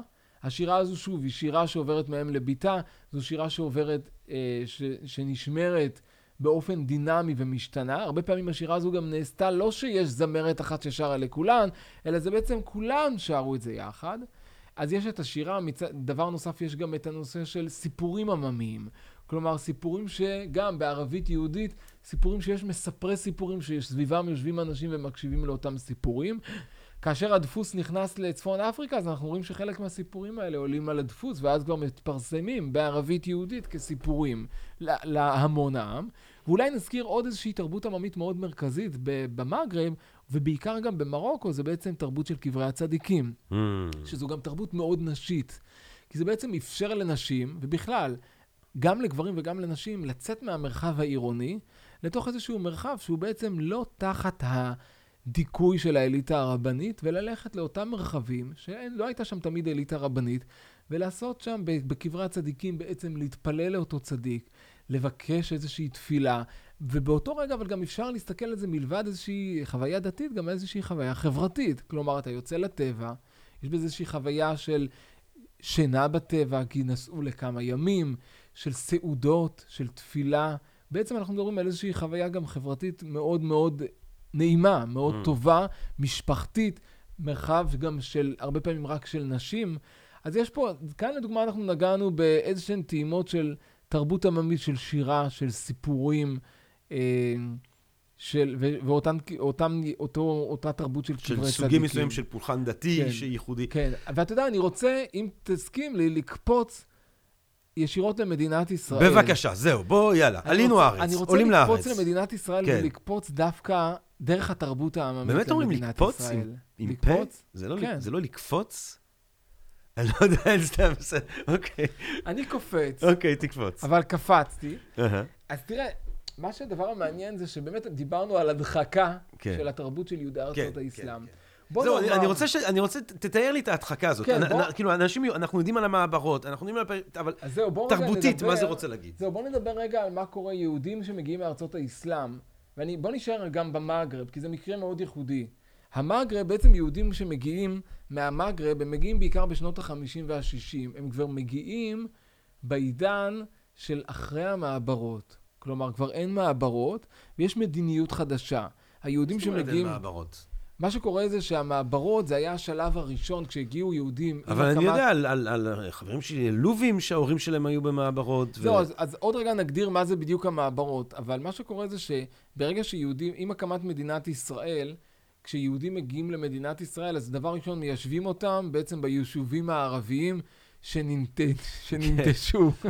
ננטשו ב... סתם, כן. בעצם מקומות שגורשו את כן. הערבים, אז יש בעצם בתים נטושים. כן. ככה זה מוגדר גם. כן. ולכן, דבר ראשון, מיישבים יהודים שמגיעים עולים בתוך הבתים הנטושים, בתוך, לדוגמה, בתוך, ביפו, ברמלה, בחיפה, בלוד. בלוד. עכשיו, זה הדבר הראשון. בשלב השני, מתחילים להקים מעברות בצד, לצד היישובים הגדולים. כלומר, לצד תל אביב מקימים מעברה שהופכת להיות לאחר מכן עיר מאוד מוכרת, שזה רמלה. אה, סליחה, שזה רמת גן. מה אתה אומר? כלומר, בעצם יש הרבה נקודות... וליד כפר סבא? נכון, ליד כפר סבא, ליד רעננה. כלומר, מקימים הרבה אה, אה, בעצם מעברות, שזה יישובים זמניים שלאט לאט הופכים או ליישובי קבע, או שמי שמגיע לשם הוא לאחר מכן נשלח ליישובי קבע. אבל הנושא של המעברות הוא ברור ליישוב, בעצם להנהגה במדינת ישראל, שזה... שזה בעצם אה, פתרון לא טוב. ולמה הוא לא טוב? כי היהוד... מי שנמצא במעברות, זה עדיין הם התיישבו, מרבית העולים, בין חיפה לגדרה. ורצו בעצם להרחיב את היישוב היהודי, ובעיקר ליישב יהודים סביב הגבולות של מדינת ישראל. ולכן יהודי צפון אפריקה, שמגיעים בשנות ה-50, מאמצע שנות ה-50 ובשנות ה-60, הם כבר נכנסים למדיניות חדשה שנקראת מהאונייה אל הכפר.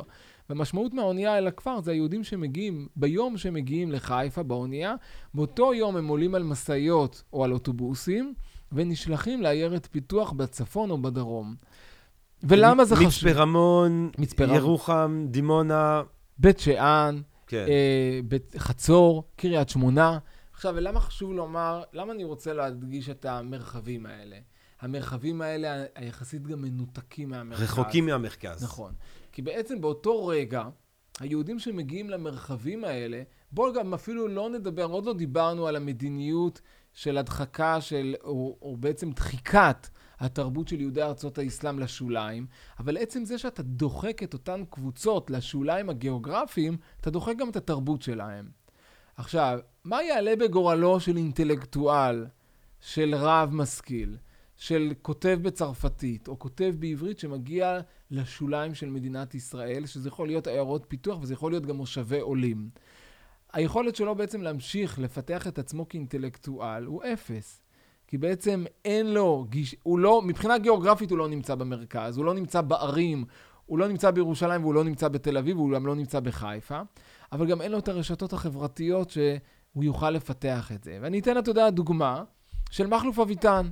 מכלוף אביטן, הוא כתב, ב, הוא בעצם, אפשר להגדיר אותו כהוגה, כפילוסוף, שפעל במרוקו במחצית הראשונה של המאה ה-20, והוא כתב בתום מלחמת העולם השנייה אה, שני חיבורים שהם בעצם אפשר להסתכל עליהם היום כאוטופיה, שהוא מתאר איך לדעתו ראוי לעצב את העולם אחרי מלחמת העולם השנייה, והוא מציג איזושהי תפיסה של ממשלה עולמית שרא, שראוי להקים אותה, אבל כל ההגות שלו היא גם נטועה בתוך תפיסה מאוד רמב"מית.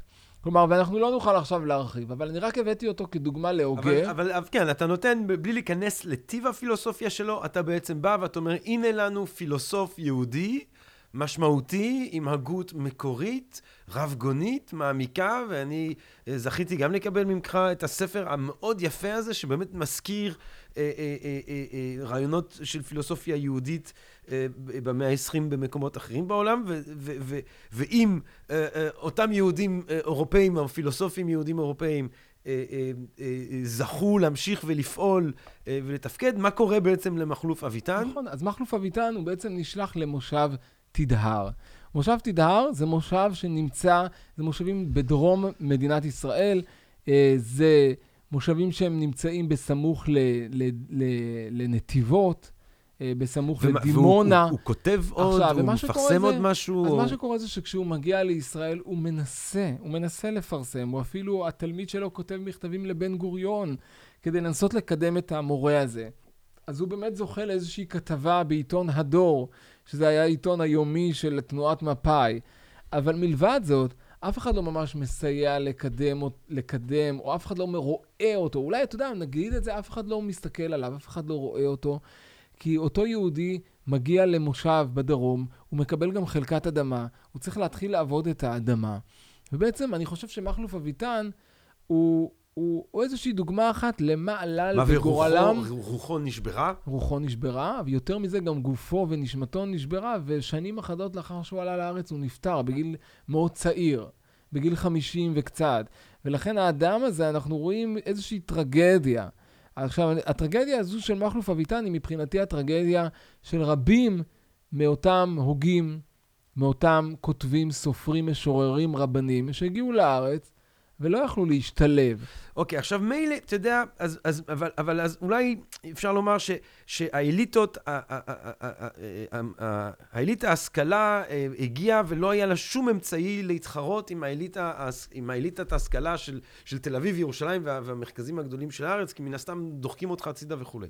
אבל מה אה, דחק הצידה, אם בכלל, נגיד התרבות העממית שציינת? זאת אומרת, למה אימא נכון. מרוקאית בבית שיין או, ב, או, ב, או בדימונה לא יכולה בעצם להמשיך וללמד את ביתה בארץ את אותם אה, אה, אה, מרכיבים תרבותיים כה משמעותיים לחיים אתה, מה. שאתה אמרת זה בדיוק, הד...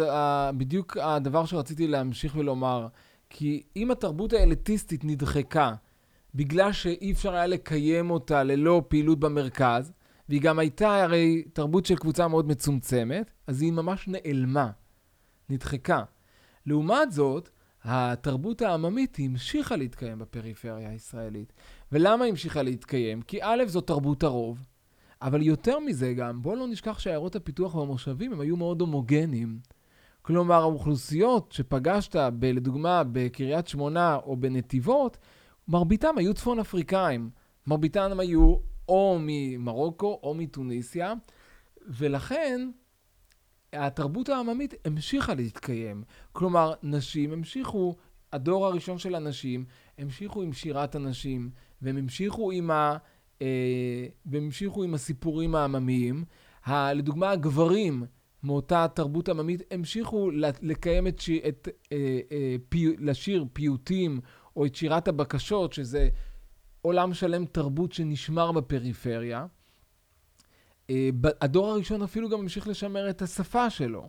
כלומר, המשיכו לדבר יחד עם הילדים שלהם בשפה שהם איתם הם עלו. וגם והם... המעמד, בוא, וגם המעמד של האליטה הרבנית, גם הוא השתמר. זאת אומרת, אנחנו יודעים בנתיבות, למשל, החצרות הגדולים של הרבנים הגדולים שעלו ממרוקו, משפחת אבוחצירא וכולי וכולי. זה, זה, הם, נכון. הם שמרו על, תראה, על מקומם ועל כבודם ועל... אה, האליטה הרבנית יחסית... אפילו גם- הביאו אה, קברים וכדי להמשיך לקיים אה, קברי נכון. צדיקים. אנחנו- זהו, אז הדבר באמת המעניין זה שאתה הזכרת, ופה אנחנו נפנה את המאזינים למחקרים של פרופסור יורם בילו, שהוא באמת מדבר על, על אם הזכרנו את קברי הצדיקים כתרבות עממית, אז פרופסור יורם בילו מראה איך הקברי הצדיקים מקבלים התאמה לתוך התרבות הישראלית בישראל. כי אם יש קברים במרוקו, איך מייבאים אותם לפה לישראל? אז אנחנו, הוא ממש מסביר כל מיני דברים, גם א', יצירה של קברים חדשים פה, או בעצם קם מישהו בבוקר ואומר שהת... שבלילה הוא חלם חלום ואיזשהו רב אמר לו שהקבר שלו, עצמותיו התגלגלו לישראל ועכשיו הקבר שלו פה. כלומר, מה שאנחנו רוצים לומר זה שהתרבות העממית בישראל, כולל התרבות של קברי הצדיקים, ממשיכה להתקיים. אבל בואו לא נשכח שהתרבות הזאת היא מסומנת על ידי הרוב כתרבות ירודה, כתרבות... אבל האם, אה, אוקיי, זה, זה מעניין, כי פה אנחנו נוגעים בעצם ללב העוול שנעשה. אנחנו אומרים, לאליטה המשכילית היא פשוט נכחדת מבחינה רוחנית. נכון, נכון. מבחינה תרבותית. הכותבים, הסופרים, האומנים, הם נוחתים ואומרים להם, אף אחד לא רוצה לשכחות מה שאתה כותב, אף אחד לא רוצה זה, יש לנו כבר את, את, את אלתרמן, ויש את זה, ויש את פה, ויש את שם, שב, תגדל עגבניות, תודה ולהתחאות, בום. זה עוול ראשון. העוול כלפי התרבות העממית, זאת אומרת, העוול, אה, אה, אה, הוא כזה שאתה אומר, היא נתפסת כתרבות נמוכה, כתרבות נלעגת. היא גם נתפסת כת- כתרבות בעצם ממש, בעצם אפילו אפשר להשתמש במילה, בעצם תרבות של אנשים פרימיטיביים. אבל השאלה אם זה לא אותו דבר גם לגבי התרבות העממית האשכנזית. לגבי ה... אה, האם, האם, האם יש יחס אתה צודק. שונה? אני תוהה, אני לא יודע. אתה, אתה, אתה צודק, כי בעצם התהליכים האלה של אה, היחס הזה לתרבות, א', לתרבות עממית, לתרבות שהיא לא בשפה העברית, אה, היא נתפסה בעצם כתרבות נחותה. אבל בואו לא נשכח שהיהודים ממערב אירופה, וזה נכון גם לגבי מזרח אירופה, שמגיעים לישראל, הם עוברים כבר תהליכי מודרניזציה יותר מתקדמים, ולכן התרבות העממית, הם מגיעים לפה עם פחות גוונים של תרבות עממית. כלומר, לדוגמה, נכון שכל הנושא של תרבות היידיש בישראל היא גם נדחקה. אבל... אבל ה- היא לא נתפסה כפרימיטיבית, זה מה שאתה אומר? אבל זהו, אבל מה שקורה זה שגם ה- ה- היהודים מארצות האסלאם, היה להם בעצם, הם, הם אה, איפשהו היה להם גם כפל של נחיתות. כלומר, גם התרבות העממית, אבל גם זו תרבות של ערבים.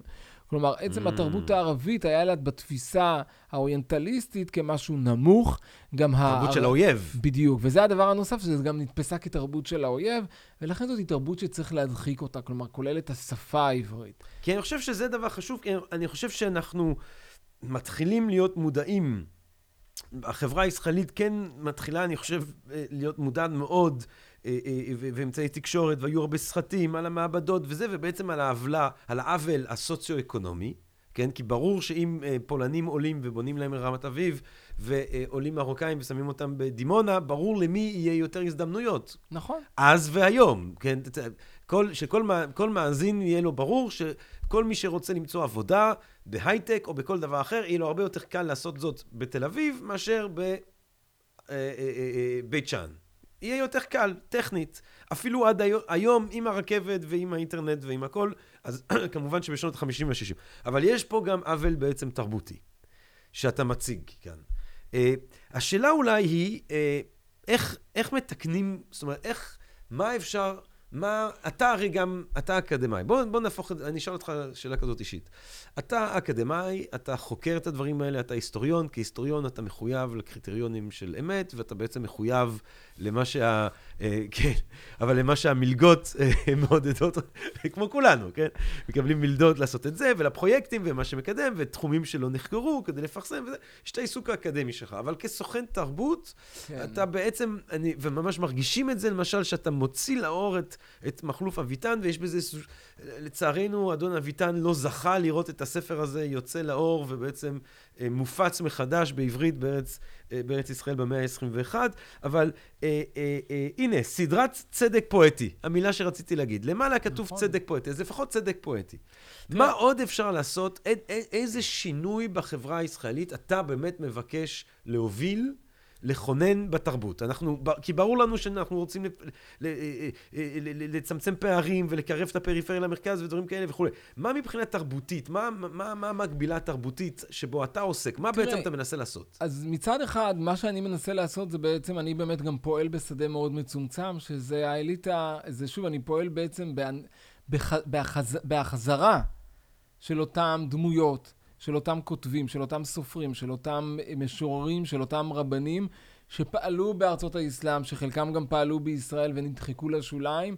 המטרה שלי להביא את הדמויות האלה ולהציב אותם כחלק מאותן, אה, ב- כחלק מאותה גלריה של, אה, של משוררים, של, אה, של אנשי חזון, שהם חלק מהגל... להפוך אותם כחלק מהגלריה בישראל. ולכן, לדוגמה, מבחינתי, השאיפה שלי זה שמכלוף אביטן, שאברהם אלבר נבון, אה, ש... אה, של שלום פלח, אה, של חלפון משה הכהן, אה, ושל עוד, אה, של מועיז נהון. אני בכוונה נוקב בשמות שמרבית האנשים לא מכירים אותם, אבל כל מיני דמויות שהמטרה היא להביא אותם למרכז הבמה הישראלית, ושהם יהפכו להיות חלק מהקאנון התרבותי אבל בישראל. האם בעבודת המ- האוצרות, אני אשאל אותך שאלה קצת מגעילה, אם יורשה לי. אני בן אדם מגעיל בסך הכל, דוד. לא, אבל האם, ב, ב, האם באוצרות הזאת, האם הצדק, האם אין סכנה שהצדק מסנוור אותך, אה, מסנוור את היכולת הערכה האומנותית של הדברים? זאת אומרת, האם יכול להיות שאתה פוגש במחקרים שלך, וזו קינה גדולה של הפילוסופים להיסטוריונים, זה שאתה אשכרה מחפש משהו ומוצא משהו לפעמים באיזה ארכיון, או באיזה, או באיזה, אפילו, ב, זה יכול להיות בעליית גג בארץ איפשהו, מישהו שיש לו...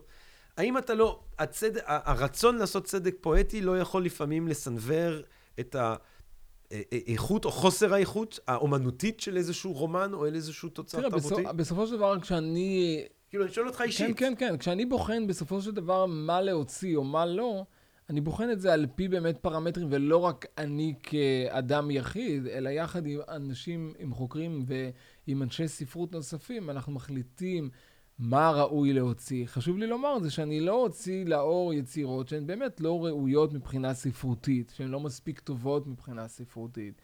כלומר, ויש, וכבר, וכבר פגשתי דברים כאלה, כלומר יצירות כאלה. כן חשוב לי להביא יוצרים משמעותיים לתוך, ה, אה, לתוך בעצם התרבות הישראלית. ואני גם מאוד, ושוב, אני עוד רגע ארחיב, אבל זו דוגמה אחת, כי אני גם מאמין, וגם אתה יודע, אנחנו עוסקים בנושאים הללו של בעצם, של איזשהו קאנון, קאנון ספרותי שיש בתרבות הישראלית, והקאנון הזה הוא קאנון סגור, והמטרה שלנו זה להרחיב את הקאנון הזה.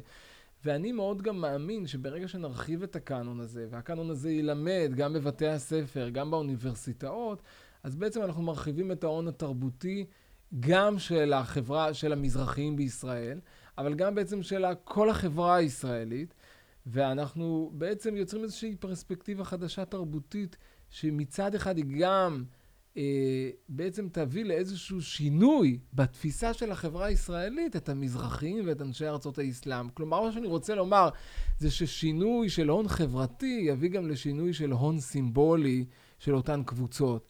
כלומר, אני יכול לומר לך דוגמה אה, שמאוד מדברת ליוצ... בעצם לאירופים, שזה כמובן יצירה סביב השואה. Mm. אז אני, אחד הדברים שגם כתבתי איך שאנחנו אוהבים את השואה באירופה. בדיוק. עכשיו, אני חייב לומר שאחד הדברים שגם הוצאתי, אה, כתבתי לא מעט, זה על יצירות שנכתבו בצפון אפריקה עם סיום מלחמת העולם השנייה. כלומר, יוצרים בצפון אפריקה כתבו יצירות ספרותיות יפהפיות שמתארות את השואה ואת מלחמת העולם השנייה באירופה ובצפון אפריקה. ואני הוצאתי לאור חלק מהכתבים האלה. וכשאני מלמד ומדבר עליהם, על הטקסטים הספציפיים האלה מול קהל ישראלי, הקהל הזה פתאום בא, בא אליי בסוף ההרצאות ומספר לי כמה חשפתי עבורם עולם חדש של צפון אפריקה, שהם לא הכירו, ופתאום הם מעריכים פתאום אחרת ומסתכלים אחרת. אבל זה לא קצת עצוב שרק דרך השואה, שהיא... אבל זה לא... אתה יודע, ברובה תופעה אירופית, כמובן. תראה, השואה... ש... אבל... שאתה חייב למצוא כן. את הקישור הזה כדי... לא, אבל מה שקורה זה שהם, הם, בעצם השואה היא איזושהי אפשרות לגשת אליהם, אבל כן לחשוף אותם ליצירות ספרותיות שנכתבו בארצות האסלאם. וגם, לא נשכח, בוא לא נשכח שגם השואה היא בכל זאת הפכה להיות משהו גם מאוד ישראלי. כן. ולכן, אה, ברגע שאתה גם מדבר על הדבר הישראלי הזה דרך יצירות שמגיעות מצפון אפריקה, זה דבר שהוא מאוד מדבר. אז כאילו יש פה את הנושא הזה של איך אתה משנה תפיסה על ידי יצירה. עכשיו, חשוב לי לומר שאני גם פועל, כמו שאמרתי, וזה סוג של תיקון בתוך עולם יחסית אליטיסטי, בתוך עולם טקסטואלי, אבל בואו לא... אני אתן איזושהי דוגמה, זה שבמקביל לעולם הטקסטואלי, חייבים לפעול גם בעצם בשדות תרבות יותר פופולריים. אז לדוגמה, יצירה של סרטים על הוגים, זה גם פעולה שמתרחשת, ואני אתן דוגמה של, אה, של, של הבמאי רפאל בלולו.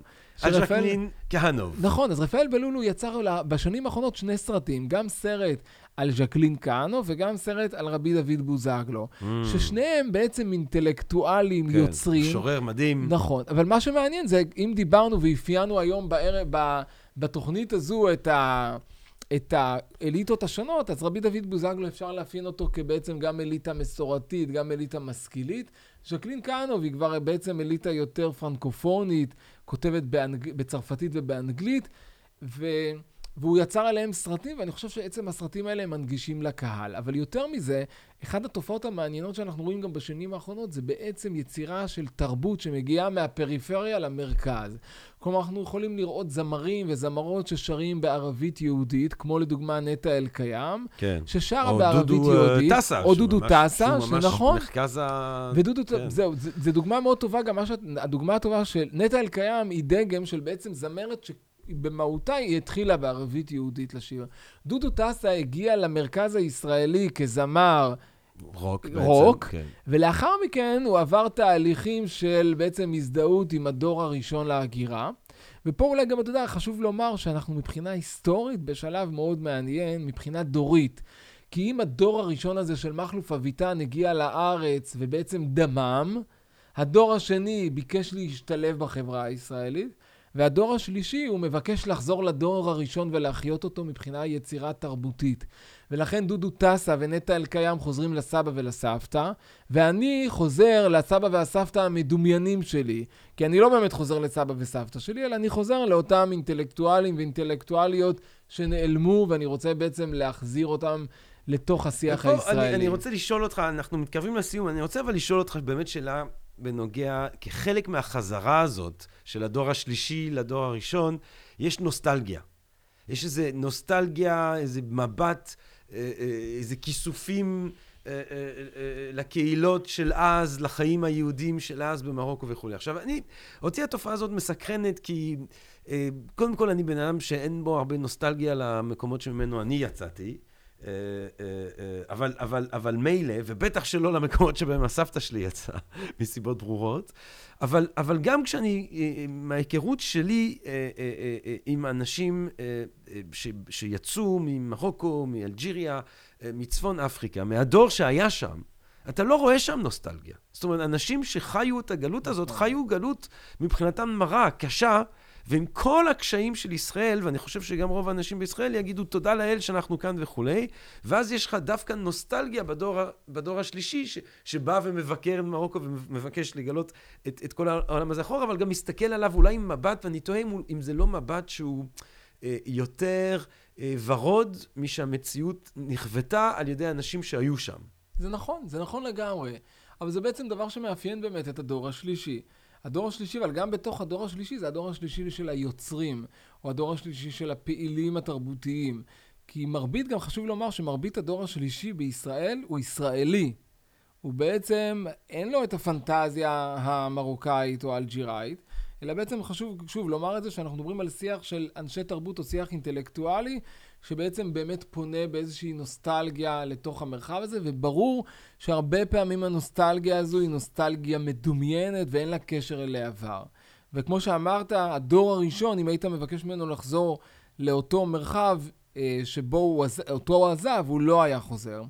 אה, גם אני, אני גם, לדוגמה, בעצם גם כהיסטוריון, אז יש גם את הכלים האלה, ולכן אני גם באמת הרבה פעמים ביקורתי לקבוצות שמנסות לייצר גם איזשהו עבר שהוא מאוד אוטופי, על חיים באמת אה, אה, מאוד אה, טובים שהיו בארצות האסלאם, ואני מנסה תמיד להכניס את זה לאיזושהי פרופורציה. כן. גם חשוב לומר שגם החזרה הזו, היא הרבה פעמים גם חזרה אל מקום שהוא לא היה אף פעם קיים, אלא אתה גם יוצר את אותו מקום. מעניין. כי לדוגמה, כש, שוב, כשיש או יוצר, אומן, אם זה אומן פלסטי, אם זה זמר, כשהוא יוצר את העבר הזה, אז הוא כבר יוצר משהו חדש, הוא כבר יוצר איזשהו משהו מיתי, הוא לא יוצר בעצם איזשהו דבר שבאמת היה. שאלה אחרונה, דוד גדש, דוקטור דוד גדש. אמ, כהיסטוריון שלמד או שמסתכל על תופעות אה, דומות שונות תמיד במרחבים אחרים, מה, מה, ואני יודע שאתה עוסק בעבר ואפילו בעבר הווה, אבל מה, לאן אתה חושב שזה הולך? לאן ההתאזנות הזאת הולכת? מה, מה, מה יהיה עם הדור הרביעי? כן, שהוא גם יהיה הרבה מאוד ממנו דור היברידי, שיש בו, שור, בו מיקס של כל מיני תרבויות וכולי. מה, מה, מה, לאן ה, ה, ה, ה, ה, ה, החיה הזאת של התרבות היהודית, אה, אה, או תרבות יהודי האסלאם, ש, שאתה מוביל, מה השלב הבא? מה, מה הדבר הבא? תראה, זו שאלה, זו שאלה מאוד קשה. כלומר, כי אני כהיסטוריון תמיד מביט אל העבר ומאוד קל לי להסיק כן. מסקנות. עכשיו, אם אני מסתכל על העתיד, אבל אפשר להסתכל על זה כי יש בעצם מגמות כבר מאוד גדולות שלא קשורות לישראל. האם אנחנו הולכים למלחמת תרבויות? האם אנחנו הולכים לתוך איזושהי דמות של...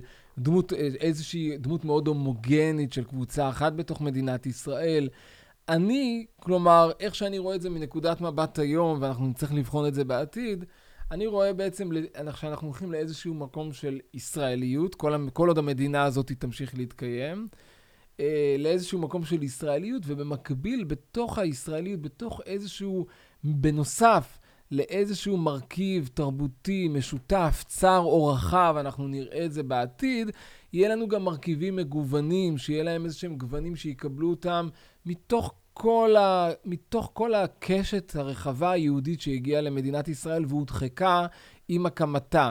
וחשוב לומר שזה לא רק הקשת ה... בעצם של ארצות האסלאם, אלא זה גם כל המגוון שהגיע מאירופה, שגם המגוון הזה הודחק, וגם הוא, אנחנו יודעים שהוא חוזר אט-אט. אז מצד אחד, יהיו הרבה אנשים שילכו לתוך עוד ישראליות, אבל יהיו גם את הסוכני התרבות שיביאו לנו וייצרו לנו איזושהי תרבות. חשוב לומר ששוב, ניסיתי להגיד את זה, פה אני אגיד את זה בצורה אפילו יותר ברורה.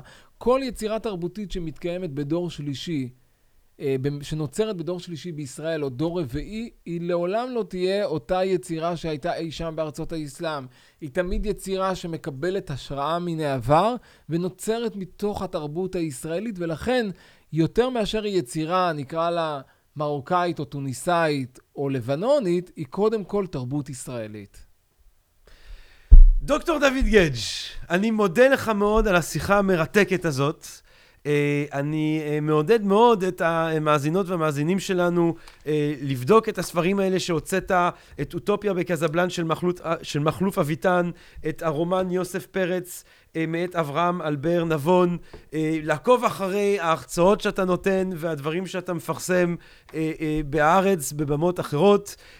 אני מודה לך מאוד שבאת לבקר אצלנו כאן היום בערב.